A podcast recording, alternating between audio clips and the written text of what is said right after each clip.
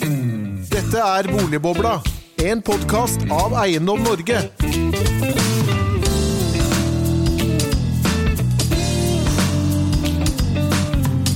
Hjertelig velkommen til en ny episode av Boligbobla, denne gang med en bonuspod fra lanseringen av Sykepleierindeksen 2021 med boligdebatt. 2021 ble nok et år med en oppgang i boligprisene, men det var store forskjeller. Av byene var det Bodø som hadde sterkest vekst, på 13,3% mens Oslo fikk den svakeste utviklingen, med 2,2% Hva har boligprisutviklingen gjennom året betydd for muligheten for å bli boligeier i Norge, spør vi. Og hvordan blir den nye regjerings boligpolitikk? Og hvordan skal byrådet i Oslo senke terskelen for å bli boligveier i hovedstaden? I dette opptaket eh, fra lanseringen av Sykepleierindeksen møter du eiendomsdirektør Henning Lauritzen, analyse- og modelldirektør Anders Lund i Eiendomsverdi, kommunal- og distriktsminister og boligminister Bjørn Arild Gram fra Senterpartiet, byrådsleder i Oslo Raimond Johansen, Arbeiderpartiet, og undertegnede, sjef for kommunikasjon og politikk i Eiendom Norge, Erik Lundesgaard. Hjertelig velkommen til dette morgenmøtet om sykepleierindeksen.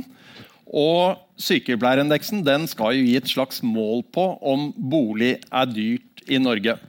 I tillegg til en presentasjon av sykepleierindeksen er vi så heldige å ha fått besøk av eh, boligminister får vi si, Bjørn Arild Gram og byrådsleder Raimond Johansen i Oslo. Vi gjør starten veldig kort og går rett over til å se på spørsmålet om det har blitt lettere eller vanskeligere for sykepleieren å kjøpe bolig i Norge i 2021. Og Da vil jeg introdusere sykepleierindeksens eh, far, Anders Lund. Og Anders Lund han kom på denne glimrende ideen om sykepleierindeksen for noen år siden. Og den har etter hvert fått flere avleggere. Vi har, eh, MBBL har laget noe som heter førstegangskjøperindeksen. Og nå har det spredd seg til Sverige, for der har Obos introdusert lærerindeksen. Så vær så god, Anders Lund, med det som kan bli en, eh, det Norge skal leve av etter oljen, indeks.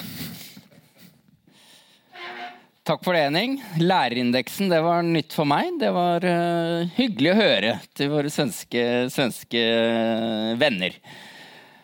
Jeg heter Anders Frankelund, er analysesjef i Eiendomsverdi.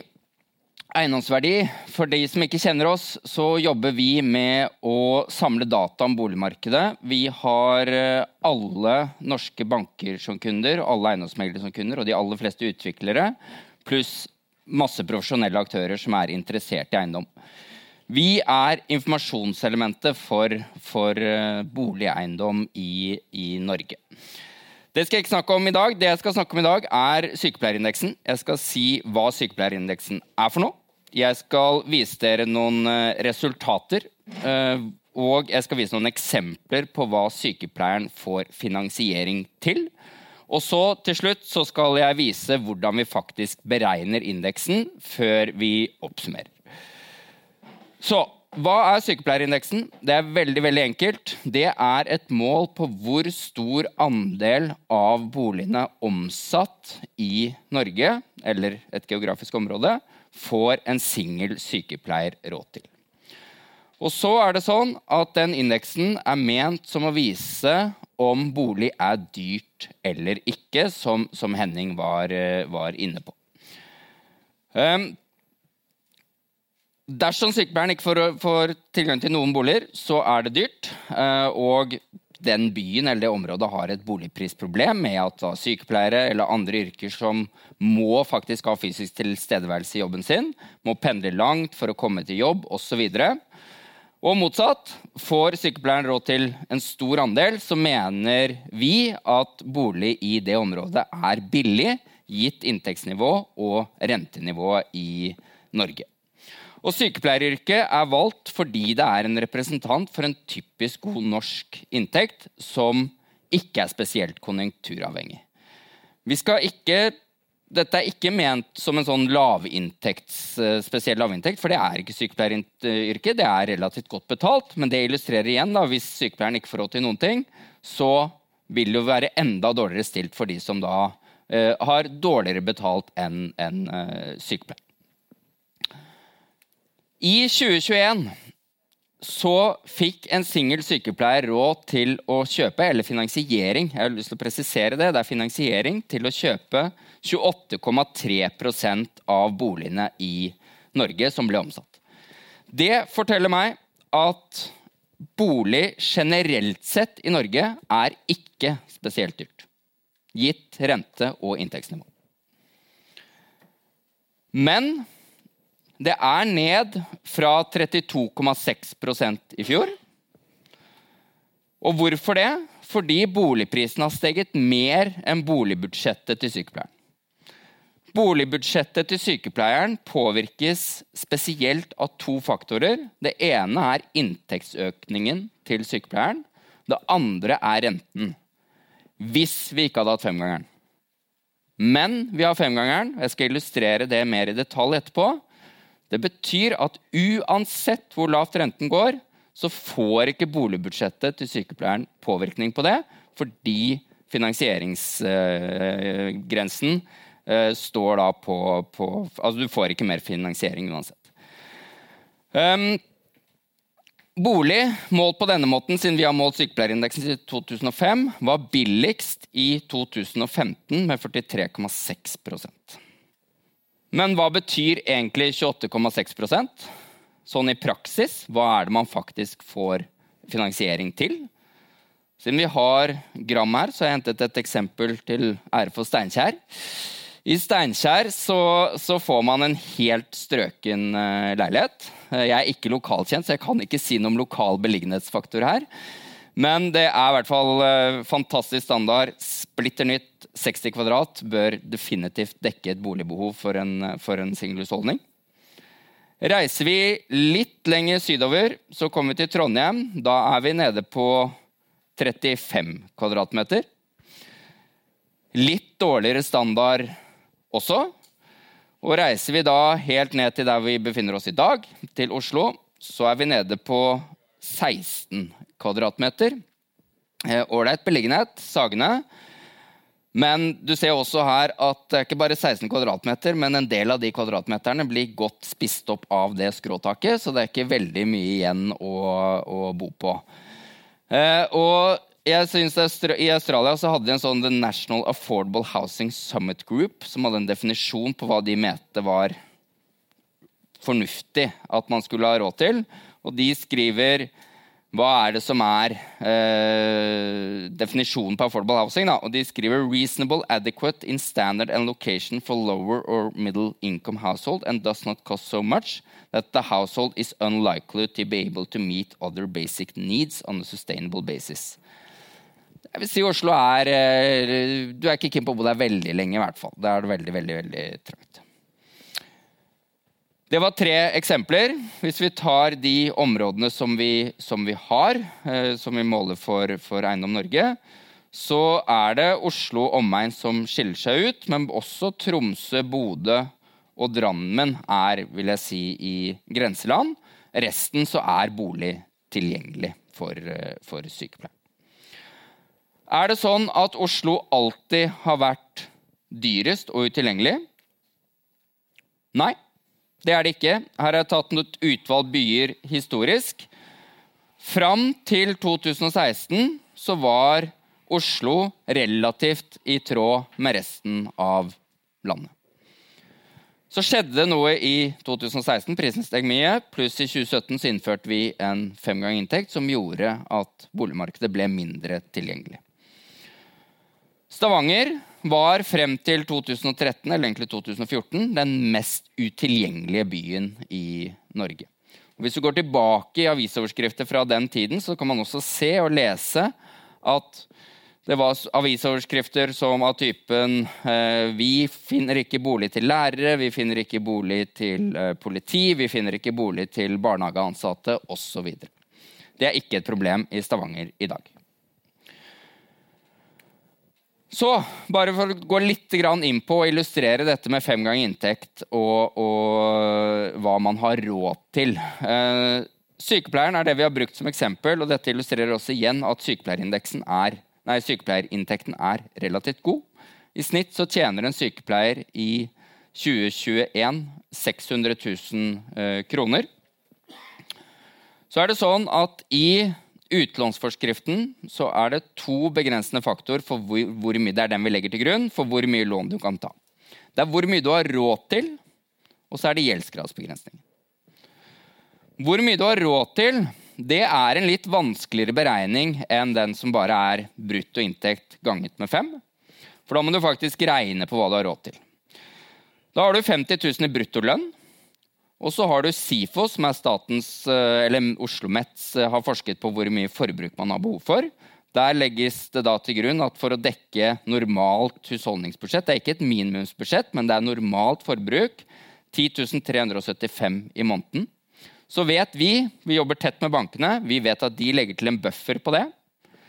Pluss at det skal dekke en del andre uforutsette kostnader som man må legge på bufferet til. Da legger man på 6850, så det betyr at man har 17 000 kroner omtrent. Bare, det, det, er litt penger for en singelhusholdning som det er en del buffere bygget inn der allerede. Så er det skatt. Det tar vi etter rentefradrag. Så sier vi at de resterende der, 23,775, det skal gå til betjening av boliglån. Så er det sånn at På det betjeningen av boliglånet blir du stresstestet på 5 prosentpoeng påslag. Du skal tåle 6,9% rente. Det er mye. Det er høy rente. Da kan man, og det er dette tallet jeg mener, dette er det sykepleieren har råd til. Det er 3,6 millioner kroner. Det er opp 6% fra i fjor.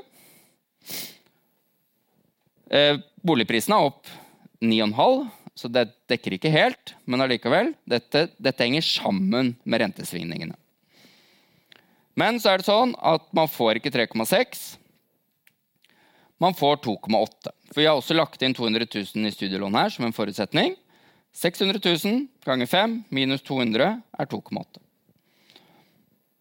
Og den er opp 2,7 eller 2,9 siden i fjor.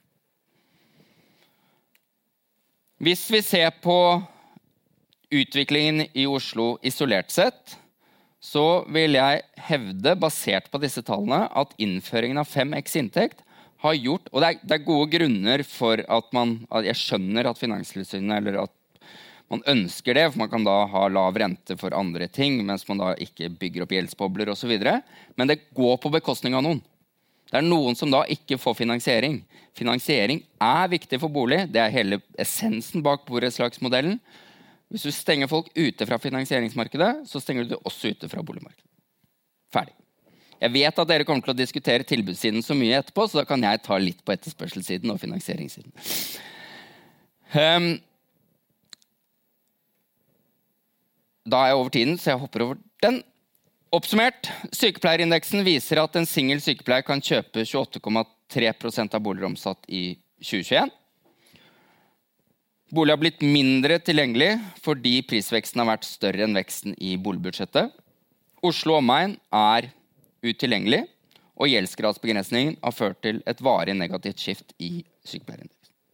Tusen takk til Anders Lund for en eh, veldig bra gjennomgang av sykepleierens situasjon på boligmarkedet. Og vi ser jo da at den har blitt verre i løpet av 2021.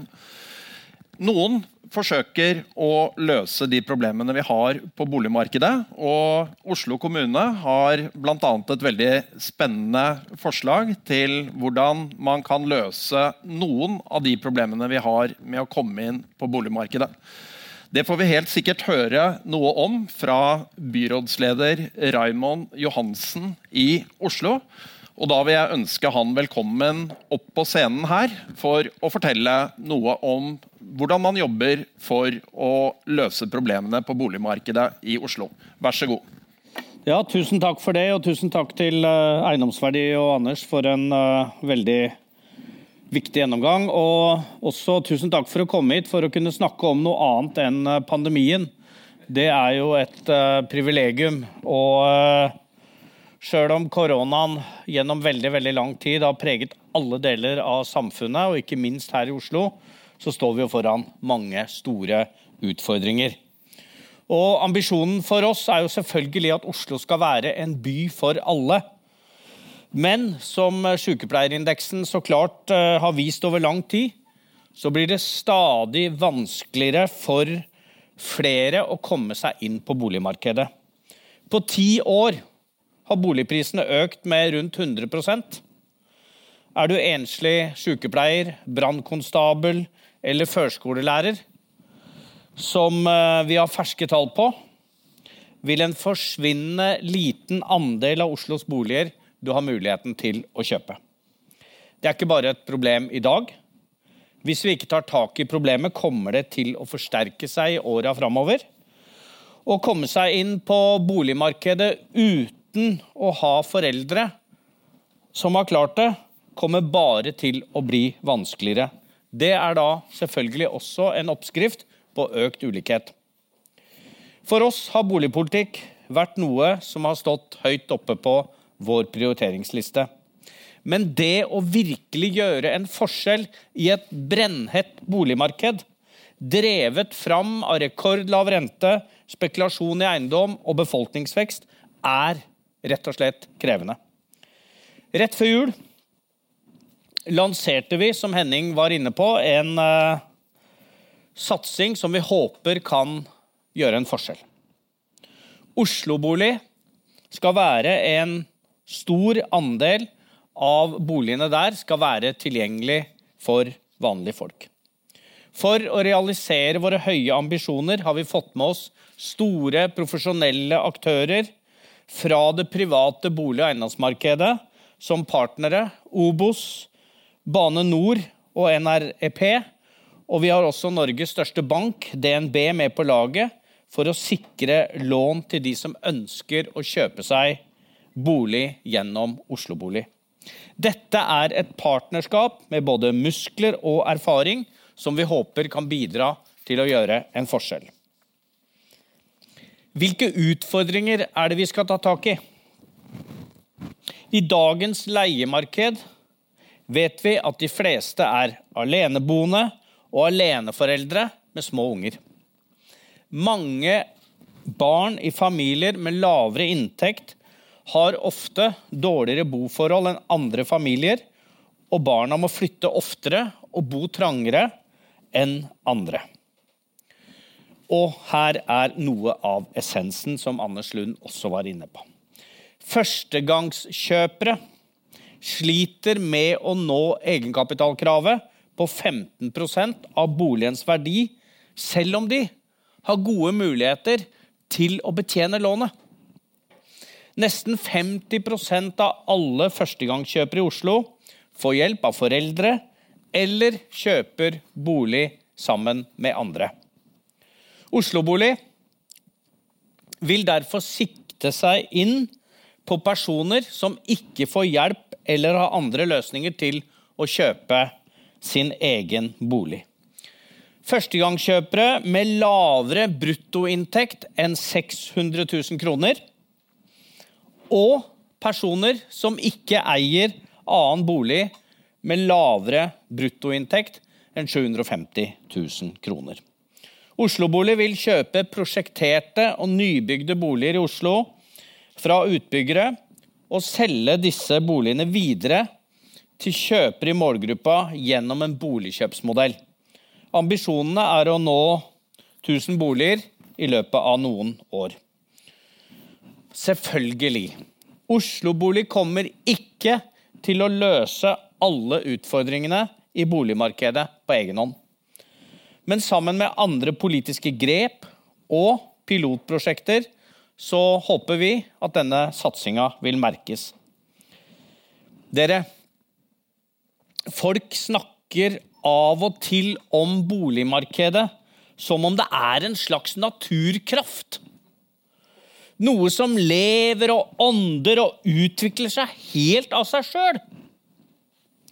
I virkeligheten er dagens boligmarked i aller høyeste grad resultat av politiske veivalg og prioriteringer. Boligmarkedet har gjennomgått enorme utfordringer eller endringer de siste ti åra. Man eh, trenger ikke engang å være så gammel som det jeg er, for å huske en tid da langt større andel av boligene var tilgjengelig for helt vanlige folk. Over mange år har det vært i overkant lukrativt å investere i bolig. Både for privatpersoner, som har, kutt, som har puttet sparepengene sine i både én, to og tre boliger, og for profesjonelle investorer som har bygget opp enorme formuer på Oslos boligmarked. At boliger i Oslo i så stor grad har blitt et spekulasjonsobjekt, bidrar også til at prisene skyter i været. Derfor er jeg veldig glad for at den nye regjeringen tar grep for å gjøre det mindre attraktivt å investere i bolig som en ren finansiell investering. Nylig kom det statistikk som viste at andelen, antallet, sekundærboliger synker i Oslo. Det er en utvikling vi ønsker velkommen. Skal flest mulig kunne eie sin egen bolig, må andelen sekundærboliger ned. Gjennom de siste to årene med pandemi har mange som bor i Oslo, blitt enda bedre kjent med egen by. I lange perioder har jo tur i nærområdet vært en av få mulige aktiviteter. Hva ser man? Særlig hvis en bor i den sentrale delen av byen. Ja, det er ikke til å unngå å se at det bygges veldig mye i denne byen. Siden 2015 er det satt i gang bygging av rundt 30 000 nye boliger i Oslo. Det vises i bybildet. Det betyr også at vi imøtekommer det forventede boligbehovet framover. Samtidig er det mange som forsøker å gjøre et inntrykk av at det fremdeles bygges altfor lite i Oslo. At det eneste vi politikere bør gjøre, er å fjerne mest mulig krav til kvalitet, størrelser eller grøntareal. Åpne for mest mulig utnyttelse, tettest mulig bygging og mest mulig tut og kjør. Det bildet stemmer dårlig overens med virkeligheten. Sjøl om den høye takten boligbyggingen de siste åra og transformasjonen av store områder som Ensjø og Løren og Nydalen, har boligprisene fortsatt å stige kraftig. Skal vi gjøre noe med de grunnleggende utfordringene sykepleier, som sykepleierindeksen viser, må det tas tydelige og målretta politiske grep. Den tidligere regjeringen hadde stor tro på å fjerne en rekke viktige kvalitetskrav for å senke kostnadene. Eh, daværende kommunalminister Sanner mente at deres senkede krav til kvalitet ville redusere byggeutgiftene med 100 000 per boenhet og gi billigere boliger. Spør du meg, er det å tro på julenissen at dette skulle komme boligkjøperne til gode. Med Oslo-bolig har vi hatt en annen tilnærming enn å senke kvaliteten. Vi tror vi tar tak i kjernen av problemet, så må vi i tillegg ha flere grep for å gjøre boligmarkedet i større grad tilpasses vanlige folk og i mindre grad utformes på investorenes premisser. Jeg er veldig glad for at regjeringen er tydelig på sine ambisjoner, og ser fram til også å høre kommunal- og distriktsminister Bjørn Arild Grams perspektiver i dag. Med Oslo-bolig skal vi gjøre det vi kan i Oslo. Vi håper rett og slett å vise at det faktisk er mulig å motvirke at boligmarkedet blir stadig mer skeivt og urettferdig. Tusen takk for meg. Tusen takk til Raymond Johansen. Og vi springer rett videre i programmet. Vi har eh, stor spenning egentlig knyttet til å høre hva vår nye kommunal- og distriktsminister, eller boligminister som vi kaller det, skal fortelle om. Og Bjørn Arild Gram har en helt perfekt CV for å få nettopp denne posten. Han har vært ordfører i Steinkjer i veldig mange år. Han har vært styreleder i KS, og han har vært statssekretær i Finanstilsynet. Så da bør han være veldig godt rustet til eh, jobben med boligpolitikken i Norge. Vi er spent på å høre. Eh, hjertelig velkommen, Bjørn Arild Gram. Takk for det. Kjære alle hop. Eh, takk for invitasjonen hit. Og takk for eh, interessante og tankevekkende innlegg nå først her òg. Eh, Og så skal jeg også takke for muligheten til å få si litt om regjeringens boligpolitikk med utgangspunkt i Hurdalsplattformen. Noe er klart, men mye skal også formes og konkretiseres i tida framover. En regjering som har som politisk prosjekt å forme en politikk som treffer vanlige folk i hele landet, kan vanskelig komme utenom boligpolitikken. På den ene sida en opplagt del av de grunnleggende velferdsbehovene. Men på den andre sida og et litt krevende felt. Vesentlig forskjellig styrt og forma enn helsetjenester og utdanning. Og med en del innbygde, iboende, kryssende interesser eller hensyn i seg, som man så vidt har vært inne på allerede. Sjøl har jeg særlig bakgrunn fra kommunesektoren. Og jeg til tross for jeg ser, Det gjøres jo veldig mye bra i Kommune-Norge knyttet til boligpolitikken. og Vi har jo nettopp hørt om veldig spennende initiativ fra Oslo kommune. Men til tross for det så vil jeg si at jeg har erfart at boligpolitikken ofte kan være et uh, litt undervurdert felt i Kommune-Norge. Jeg vil i hvert fall si at det er potensial for å gjøre mer. Uh, og, og, det skal, uh, skal regjeringa underbygge, selvsagt. Både som en del av utviklingspolitikken, det vil si altså attraktivitetsarbeidet, tilrettelegging for vekst, verdiskaping, samfunnsplanlegging. Og som viktig del av en helhetlig omsorgs-, helse-, sosialpolitikk. Kommuner som lykkes godt med boligpolitikken sin, styrker attraktiviteten. Og jeg er sikker på at man òg kan se igjen det i sosialbudsjettene eller i helse- og omsorgsbudsjettene det at man lykkes godt med den delen av boligpolitikken. Så La meg derfor bare slå fast at det er behov for en mer aktiv og offensiv boligpolitikk. Det skal dog sies at det er mye bra med norsk boligpolitikk òg. Den er jo i stort veldig vellykka, det vil jeg si. Eh, vi er en sjøleiernasjon. Veldig mange av oss eier egen bolig. Det har vært et hovedmål i i boligpolitikken, og det vil det være, være for meg og for regjeringa framover. 70% av dem som er i starten av 30-årene, eier boligen de bor i. I resten av Europa er snittet 46% Men det er trekk som bekymrer. Andelen som eier bolig, har falt de siste årene. Eh, og den presentasjonen vi hørte fra sykepleierindeksen, viser at det kan være vanskelig å komme inn på boligmarkedet, i hvert fall i enkelte deler av landet. Og Det er ikke en ønska utvikling. Jeg mener at Vi må holde fast på å styrke eierlinja. Det er jo en av fire hovedsatsinger for regjeringa i eh, boligpolitikken i Hurdalsplattformen. Så handler det i tillegg om boligforsyning, altså bygd flere boliger. Det handler om bomiljø, og det handler om en klimavennlig bolig- og byggenæring. For hvert ti år siden så ledet jeg et offentlig utvalg som så på den sosiale boligpolitikken i Norge. Rom for alle, het den NOU-en. Og Vi visste der at det er både mulig og rett at langt flere kan eie sin egen bolig. Og mange vanskeligstilte, faktisk. Eh, lønnsomt og bra for dem sjøl og bra for samfunnet. F.eks.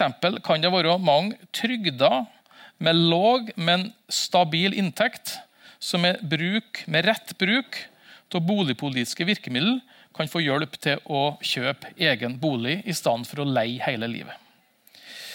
Eh, men som vi hørte, så kan det være krevende for mange å komme inn i markedet, særlig i pressområdene. Du må ha både betalingsevne og egenkapital. Så hvordan møter vi dette?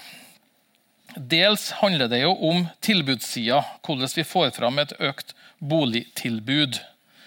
Eh, fra nasjonalt hold vil jeg særlig peke på et par forhold. Det ene er jo at vi bidrar til å sikre at arealkonflikter håndteres så smidig som mulig eh, håndtere, koordinere innsigelser og helst bidrar til at vi løser og avklarer arealspørsmål, arealkonflikter, så tidlig som mulig, sånn at vi ikke taper tid, sånn at det er gode rammer for, for bygging. Og for det andre så mener jeg at vi må fortsette å forenkle og effektivisere plan- og byggesaksbehandlinga. Bl.a. gjennom digitale løsninger. Her er det gjort et viktig arbeid som bør fortsette. Det handler om å forenkle prosedyrene, forebygge feil, gjøre at kommunene kan håndtere saker raskere. Eh, og så er jo det nettopp sånn at det er jo kommunene som er arealmyndighet, eh, reguleringsmyndighet. Eh, sånn at dette her er i betydelig grad et kommunalt ansvar. Nasjonale tiltak kan som nevnt understøtte kommunenes arbeid. Og I tillegg så vil vi bidra med virkemidler til å bygge kompetanse og tilrettelegge for samhandling mellom aktører for å få til boligprosjekt med en god sosial profil. La meg så si litt mer om, hjelpe, eh, om, virkemidler for å hjelpe folk inn i boligmarkedet. Vi vil styrke både kommunenes og Husbankens rolle i boligpolitikken. Husbanken skal som det står i Hurdalsplattformen, få utvida sitt samfunnsoppdrag, målgrupper og lånerammer. Og Allerede nå i det som heter tilleggsnummeret til statsbudsjettet for i år, da, 2022, så eh, styrka vi utlånsrammene til startlån i Husbanken med 2 milliarder kroner. Både som et signal om en aktiv, mer aktiv boligpolitikk, men, men det har også selvsagt reell betydning. Sånn at vi kan hjelpe flere vanskeligstilte inn i boligmarkedet. Det er, jeg mener det er grunnlag for en enda mer offensiv politikk eh, for, å, for å gå fra leie til eie veldig positivt å høre fra Oslo kommune, som i samarbeid med andre aktører nettopp legger opp til en offensiv politikk rundt det. Bl.a. med boligbyggelagene, som har en viktig rolle. Det ser vi jo rundt omkring i landet, som går inn i den type prosesser. Eh, for å gjennomføre satsing av prosjekter for å få, få til dette. Det vil vi understøtte. Og så er det, vil jeg også bare si det før jeg går videre, at ja, det er noen noen kryssende hensyn, noen målkonflikter i boligpolitikken. Eh, det ble nevnt i introduksjonen at jeg har vært statssekretær i Finansdepartementet. må jeg si, men, men før jeg ble statssekretær, satt jeg i styret i Finanstilsynet. Eh, og da, som da ser på det, denne debatten fra en litt annen kant. Og det er noen balanseganger vi skal gå her. Vi skal hjelpe folk inn i boligmarkedet, men vi skal også passe på at Først skal vi passe på at vi har solide finansinstitusjoner. Det er samfunnet i aller høyeste grad kjent med. Og For det andre så skal vi jo passe på at eh, folk eh, kan håndtere eh, svingninger i sin privatøkonomi. Ting kan skje i livene til folk som gjør at, du, at privatøkonomien påvirkes. Renta kan faktisk endre seg. og det, Nå har vi vært gjennom en lang periode med lave renter. Det det, det, er ikke gitt at det er sånn bestandig. Så det er en, ja, det er en balansegang i dette. her, og Startlånet, som har vært viktig virkemiddel eh, gjennom Husbanken, har jo de senere årene blitt vridd mer mot å hjelpe vanskeligstilte inn i boligmarkedet. Jeg mener at det i stort har, har vært rett. Og så er det jo en diskusjon da om, om, om å folk som i utgangspunktet ikke er vanskeligstilt, men som likevel har, har, har, det krevende å komme inn på boligmarkedet knytta opp til egenkapitalkrav og osv. Så, så Så her er det noen avveininger. og Jeg vil ikke gå lenger på, inn i det nå, men bare konstatere at her, her er det en, en, diskusjon som jeg mener det er rett å ta, og, og vi må se hvordan vi har rett balansen i dette. her. Så én ting til når det gjelder, når det gjelder boligmarkedet. Og det er at, eh, at eh, mens at det i Oslo og en del andre storbyer er, er krevende få, og, og at boligprisene blir veldig høye, eh, og at det skaper utfordringer på den sida, så er det jo andre deler av landet sånn at det er veldig krevende å få til boligbygging. For det er vanskelig å få finansiering, og markedsverdien er vesentlig forskjellig fra byggekostnadene. Så Det vil også være en viktig del av regjeringens politikk å sikre at vi har en tydelig distriktsprofil i boligpolitikken. Mange, I mange distriktskommuner så er det utfordringer med å få tak i arbeids, det er arbeidsplasser, men det er vanskelig å få tak i arbeidskraft. Eh, og, og, og, eh, Det blir ikke gjort enklere av at det er et veldig tynt boligmarked. Det er vanskelig å få tak i boliger. Så det å bruke boligvirkemidlene og en aktiv kommunal boligpolitikk for å møte den utfordringa, det blir òg en viktig eh, en prioritet for, for regjeringa framover. Eh, og så vil det ligge andre forslag i Hurdalsplattformen knytta til å få et økt boligtilbud, f.eks. eldreboligprogram og, opp, opp, eh, og, bygging av flere studentboliger. Og så skal jeg legge til selvsagt at eh, mange også vil leie i perioder av livet sitt. og Det skal også være et trygt og godt alternativ. I statsbudsjettet for i år økte vi tiltaksrammene for tilskudd til utleieboliger og forsøk med nye boligmodeller. Eh, det er jo en, her er jo poster som har vært kutta gjennom mange år. Eh, og Vi ønsker å snu den utviklinga og ha en mer aktiv politikk også for utleieboliger. Eh, helt kort mot slutten så, så vil jeg bare si det da, at det er også andre sider av boligpolitikken som blir viktig framover. Det handler jo om klimakravene til byggenæringa, som, som vil bli skjerpa, samtidig som vi da må prøve å holde byggekostnadene så lave som mulig. Vi vil stimulere til mer energieffektivisering, gjenvinning, ombruk av byggematerialer i byggeprosesser. Eh, etablere et utviklingsprogram for trebygg, klimavennlig fornying av bygg. Det handler også om andre forhold, om materialene vi bruker, fossilfrie byggeplasser. Eh, og vi må møte et tøffere klima framover. Så det med å sikre grøntområder, bidra til bedre overvannshåndtering, sikre at geologisk informasjon og kompetanse blir utnytta bedre i arealplanlegginga, er jo viktige sider av boligpolitikken, i lag med og ei tydeligere eh, eh, områdesatsing som vi har i storbyene, bomiljø. Eh, her i Oslo for eksempel, så økte jo støtten nå til, til områdesatsinga i Groruddalen for nettopp å sikre bedre bomiljø, bl.a. Helt til slutt, bare la meg si det at uh, det er mange spørsmål knyttet til dette. og Vi skal også nå skrive ei bo, ny boligmelding. I Hurdalsplattformen er det ikke varsla noen mange stortingsmeldinger. Fem tror jeg er nevnt, og Én av dem handler om boligpolitikken. Jeg tror det nå er behov for en helhetlig gjennomgang av hele boligpolitikken. Jeg har nevnt noen stikkord for det nå. Uh, Eh, det er en del vanskelige avveininger, men i bunnen for eh, og inngangen til det arbeidet så ligger altså en erkjennelse av behovet for en enda mer aktiv boligpolitikk.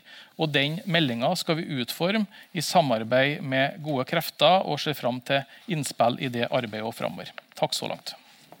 Takk for det. Mitt navn er Erik Lundesgaard. Jeg er sjef for kommunikasjon og politikk i Norge. Nå skal vi få en eh, paneldebatt med våre flotte innledere. og Da kan jeg jo først invitere Raymond Johansen og statsråden eh, opp igjen på scenen og ta plass her i panelet. Og så må vi også ha med oss eh, Eiendom Norge-direktør Henning Lauritzen. Skal vi se hvis Raymond og dere sitter i midten her, så skal jeg sitte på sånn. her. Og så Henning på Oi! Du sitter der, ja. Henning, vi i Eiendom Norge vi er jo boligpolitisk vaktbikkje. Hva, hva, hva, har du å si til de eh, politiske tiltakene mot, uh, for å styrke eierlinjen som her er blitt uh, presentert?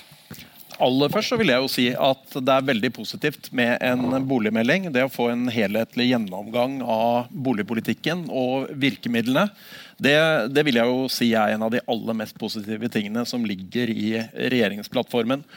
Og så er det mange andre spennende ting som, som er positivt. Altså, Gram nevnte bl.a. at eh, det er ulike problemer i distriktene og byene. Men da er det veldig viktig at man har fokus på f.eks. byggekostnader. Det er som Raymond Johansen sa, at hvis man har press i markedet, så kommer ikke byggekostnadene sluttkunden til gode. Da forsvinner det en høy markedspris. Men hvis man har litt eh, tynnere markeder, så vil lavere byggekostnader også bety at man får et lavere innslagspunkt for når man skal bygge. Så samlet sett så ligger det mye positivt der. Men Raymond, denne byråds, Oslo-boligprosjektet det, det, skal du nå igjennom i, i bystyret. Får, får, du mm. flertall for, for dette modellen? Det tror jeg. Så får vi se om det er noen uh, korrigeringer og endringer som uh, vi har jo ikke flertall byrådet, vi er avhengig eh, av andre partier. Eh, men vi har fått gode signaler fra eh, mulige samarbeidspartnere, så jeg optimistisk med hensyn til å få det gjennom. Men uh, Henning, altså, du, dette var jo egentlig noe altså Oslo-bolig som nå kommer, det var egentlig noe vi i Eiendom Norge foreslo tilbake i 2016? var det ikke? Eh, I 2016 så foreslo vi faktisk en modell hvor man skulle gå ut i markedet og kjøpe boligene fra utbyggerne. Og, og, Det vi så på som positive ved å gjøre det, var jo at vi regnet med at det kunne gitt håp om at det blir netto flere boliger enn det ellers ville blitt. Og blir det netto flere boliger enn det ellers ville blitt, så hjelper man jo ikke bare de som får kjøpe Oslo-bolig og komme, eller få en fot innenfor på boligmarkedet. Da kan man påvirke prisdannelsen i hele markedet. Eh, det blir flere boliger. Eh, det er like mange kjøpere, kan vi regne med. Og da får vi en svakere boligprisutvikling enn vi ellers ville fått. Så det er, en fin måte å gjøre det på. Bjørn Arild, du, du, nevnte jo her i ditt innlegg målkonflikter i, i boligpolitikken. Uh, som vi hørte her på, på innledningen til Anders Lund fra Eiendomsverdi, så, så er det Vannskillet er da boliglånsforskriften, eller nå utlånsforskriften, ble innført i, i, i 2017. Dere skriver i Hurdalsplattformen du nevner også at dere vil utvide Husbankens uh, lånerammer og også nye grupper. Altså, Får du dine eh, venner i Finansdepartementet og Finanstilsynet med deg på å gjøre noe sånt? Ja, altså Hurdalsplattformen er jo regjeringas plattform, ikke Kommunaldepartementets. Eh, eh, men jeg tror det er rett at vi tar en altså, nøye gjennomgang. Altså, eh, det er de, de, de ja, Boliglånsforskriften og de si, restriksjonene bestemmelsene vi har rundt dette, er jo innført av en grunn. Fordi at man ønsker å hindre sårbarhet for enkeltfamilier, enkeltpersoner, boligmarked og for å sikre stabile finansinstitusjoner. Eh, men det har selvfølgelig påvirka. Og det legger dere fram tall på her som gjør at det kan være vanskelig for folk å komme inn. Som, for, som isolert sett da, er jo litt av poenget med å gjøre det, men det har da noen andre konsekvenser. Eh, og, og det har jo En naturlig følge av det har jo vært at nettopp at startlånet i Husbanken har vært dreid mer mot vanskeligstilte. ikke? Sånn og Det var jo din forrige regjering, altså Liv Signe Navarsete, som faktisk gjorde det? Ja, det er mulig. Jeg har, ikke, har, ikke, har ikke med meg hele den historikken. Men vi har nå i hvert fall valgt å øke startlånsrammene. Da. og det, det, viser jo seg altså at det er behov for det. Og det er også mange vanskeligstilte som trenger den hjelpa. Altså, vi, skal, vi skal drøfte det her. Jeg vil ikke trekke noen konklusjoner nøyaktig hvordan dette skal, skal se ut. Uh, fordi at det er, det er ganske vanskelig diskusjon. Jeg tror vi skal ha en god prosess på det. Men Henning, eh, Vi i Eiendom Norge vi har jo et alternativt forslag. Altså Utlånsforskriften er jo viktig for den finansielle stabiliteten. og En eller annen form for utlånsforskrift må vi nok ha. Men, men det vi ser for oss, det er jo at eh, hvis vi heller kan gjøre utlånsforskriften litt mer fleksibel, så slipper vi å havne i et paradoks man ellers kan havne i. Og det paradokset man faktisk kan havne i, er jo at man sier gjennom utlånsforskriften til de private bankene at de ikke får lov å gi lån til Ola og Kari. Og så åpner man for at Husbanken kan gi lån til de samme personene. Og det, det, vil være en veldig merkelig mm. situasjon. Så, så, det syns jeg at da vil det være mer fornuftig å gjøre det gjennom utlånsforskriften. F.eks. så kunne man tenkt seg at hvis man binder renten langvarig, da man, opptrer man jo ikke til, til, fare for den finansielle stabiliteten, for man blir ikke utsatt for renteendringer så kan man kanskje få større fleksibilitet når det gjelder eh, stresstest f.eks. Da. Altså, da behøver man ikke tåle 5% rente hvis man har bundet renten i ti år f.eks. Eh, Raymond, skulle du ønske du egentlig styrte utlånsforskriften? Det Utlånsforskriften har stor betydning. Det er ingen tvil om, og det Henning sier er uh, utrolig viktig. Og det som også ble lagt fram uh, tidligere fra Anders Lund her, viser jo også den prisveksten som har vært fra Eh, fra 2016 og de utfordringene det har vært bl.a. for sykepleiere å komme inn. Det er derfor vi mener, og egenkapitalsituasjon, eh, liten egenkapital, er jo også en av de største hindrene for mange til å komme inn på boligmarkedet. og Det er bl.a. det vi prøver å få til med Oslo Bolig. Eh, at de med ingen eller lav egenandel faktisk kan komme inn på boligmarkedet. Veldig mange er avhengig av og er så heldige å ha foreldrebanken som stiller opp men mange er, eh, har heller ikke den muligheten. Så eh, det er viktig. Og så tror jeg jeg prøver å rydde litt opp i, i debatten. Også Oslo har vokst med Trondheim siden 20, 2000. Uh, I antall mennesker. Eh, Så kan noen si at det ikke er så mange, men 200 000 Det er betydelig, det er, det er, det er betydelig. Eh, Vi har eh, bygd eh, 30 000 bare fra eh, 2015. Det er 10 000 som eh, står gryteklare. Men det er klart, en by i så stor vekst, så har du masse målkonflikter. Det er ikke et boligprosjekt du ikke går gjennom hvor du har 100 klager. Eh, og eh, her er det en kamp om areal. Høyder. Hvordan en by skal kunne utvikle seg. Og uh, markagrensa er hellig. Det er jeg glad for. Så skal vi legge fram Nå har vi diskusjon om, om småhus. Du må jo si at det er småhusplanen. Det er jo bra med fortetting rundt i Oslo. Det er ikke alle som er enig i det. Eh, nei, eh, mange vil bygge eh, enda tettere, bygge ned enda flere hager, men det tror jeg ikke det er, er, er flertall for. Det er en diskusjon. Og så er jo de, og så Husk på at Oslo har utvikla seg, at vi har bygd innenfra ut. Vi har bygd i områder hvor det var industri som, og annen type virksomhet, som på Ensjø, som på Løren, som i deler av Nydalen.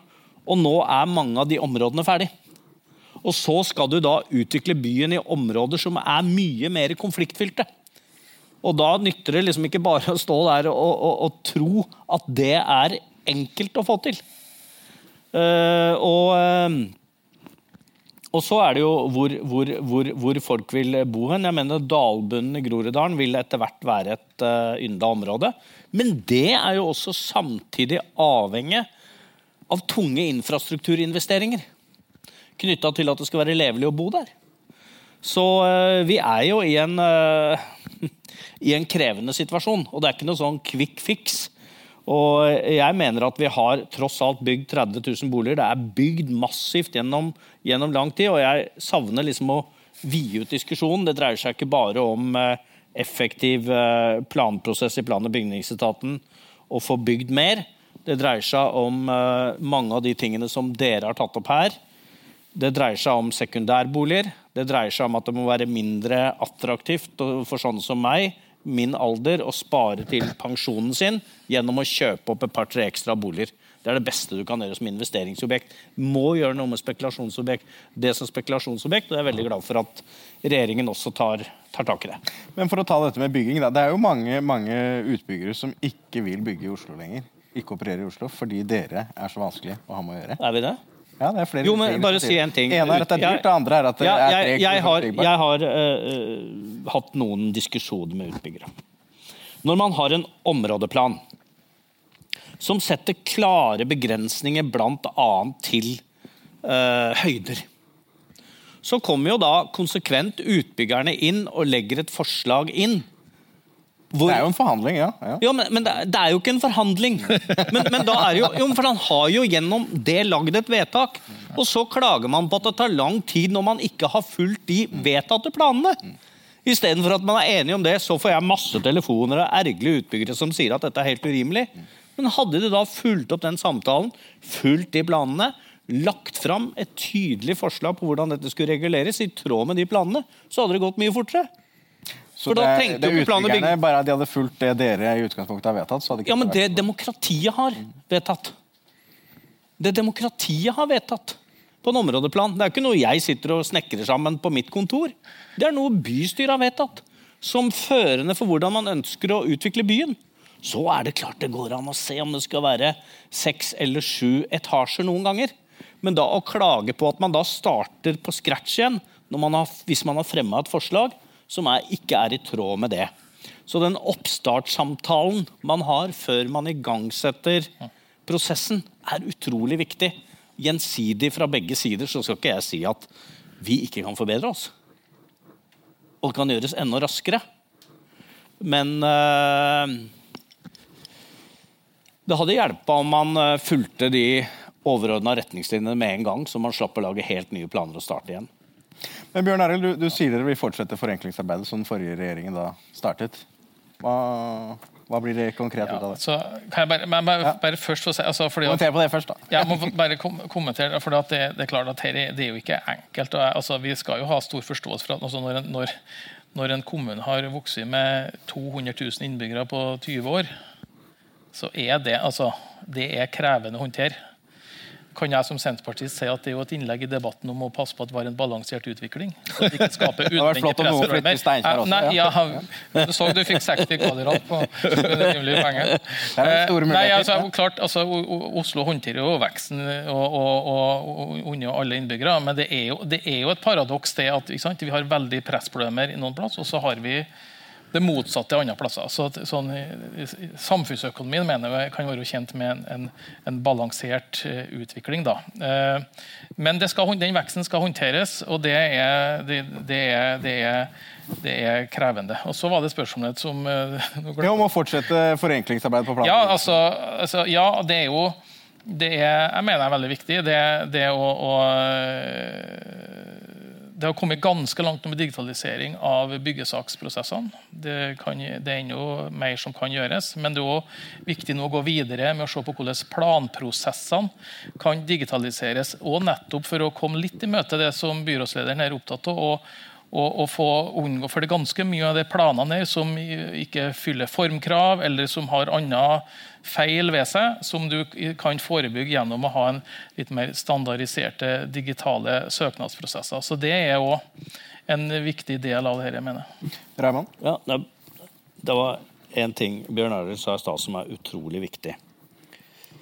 Det er jo mangel på arbeidskraft. Behovet for importert arbeidskraft. Vi har opplevd gjennom pandemien hvor eh, vi så det var vanskeligheter med arbeidsinnvandring. Vi stengte grensene. Vi så byggeplasser stoppe opp. Vi har gigantiske prosjekter i offentlig regi, både stat og kommune, og, en, eh, og, begrenset med arbeidskraft. Derfor er jo også sånn, Vi jobber jo veldig med at flere skal ta seg en fagutdanning, f.eks. her i, det, eh, i Oslo. At vi også er i stand til på lengre sikt å kunne ta oss selv av det, det behovet. Men alle disse tingene er også fordyrende elementer eh, med, med, med den manglende arbeidskraften vi har innenfor bl.a. bygg- og anleggssektoren. Som også må diskuteres. Så uavhengig av liksom eh, det du sa, da, at det er eh, mange som velger å eh, bygge andre steder enn i Oslo. Det har ikke jeg tall på, men det er nok en felles utfordring for mange prosjekter i Norge nå, det presset som er i arbeidsmarkedet, og den avhengigheten vi eh, faktisk, med det høye tempoet vi har, eh, har bl.a. av arbeidskraft utenfra, som jo må løses. Men samtidig nå, Henning, så er det jo skift i befolkningsutviklingen eh, under pandemien. Det er jo Ja, ja. strengt talt betydelig svakere befolkningsutvikling. Ja, og det, man, man kan jo på mange måter si at eh, det er kanskje en av de tingene som eh, redder den situasjonen vi har når det gjelder boligprisvekst i noen av pressområdene. Spesielt Oslo i øyeblikket, hvor vi har en svakere befolkningsutvikling. Så, så det, det kommer som en sånn liten midlertidig redning, og så får vi jo se hva som skjer når alle grenser åpner og, og denne bølgen med, med pandemien legger seg. Men Henning, hvis vi nå skal gå inn for landing her og, se litt, litt fremover i, i krystallkulen. Altså, Hvordan vil utviklingen i boligmarkedet og utviklingen i sykepleierindeksen bli med, med høyere rente, lavere befolkningsvekst? Eh, hva skal vi si, De andre tingene som skjer i økonomien nå? Inflasjon? Ja, vi, vi, Den høyere renten vil jo definitivt svekke kjøpekraften til sykepleieren, men den vil jo også dra ned veksten i boligprisene og, og gi en mye mer moderat utvikling enn det vi har hatt. Og Det samme vil jo den reduserte befolkningsveksten bidra til, så lenge arbeidsinnvandrerne lar vente på seg i samme omfang som før. Så det vi venter, er jo en situasjon som minner ganske mye om den vi hadde fra 2017 til 2019, hvor vi hadde en veldig moderat utvikling i boligmarkedet. Og det er faktisk noe å lengte tilbake til. For, eh, for det er en, en boligprisvekst som minner mer om inflasjon og, og lønnsvekst. Den er veldig mye bedre, for da blir det, det blir vanskelig, verken vanskeligere eller lettere å komme inn på boligmarkedet, men, men det blir mye lettere å planlegge og greit å forholde seg til. Så, så drømmemarkedet er litt høyere rente, høyere boligbygging, litt lavere befolkningsvekst og liberalisering av boliglånsforskriften? eller? Jeg, jeg, jeg, jeg vil ikke si at uh, lavere befolkningsvekst er en del av drømmescenarioet. Da vil jeg heller si at det må man møte med, med tilbud. Altså Enten det er boliger i uh, tynne markeder i distriktene hvor det er arbe arbeidsplasser man ikke får bemannet, eller i pressområdene som Oslo. Da må vi gå inn for landing. Vi må takke Raymond Johansen for å komme kommet. eh, Boligminister, som vi liker å kalle deg, Bjørn Arild Gram. Og takk deg, Henning Lauritzen. Vi er tilbake med sykepleierindeksen om et halvt år igjen, så følg med. Takk.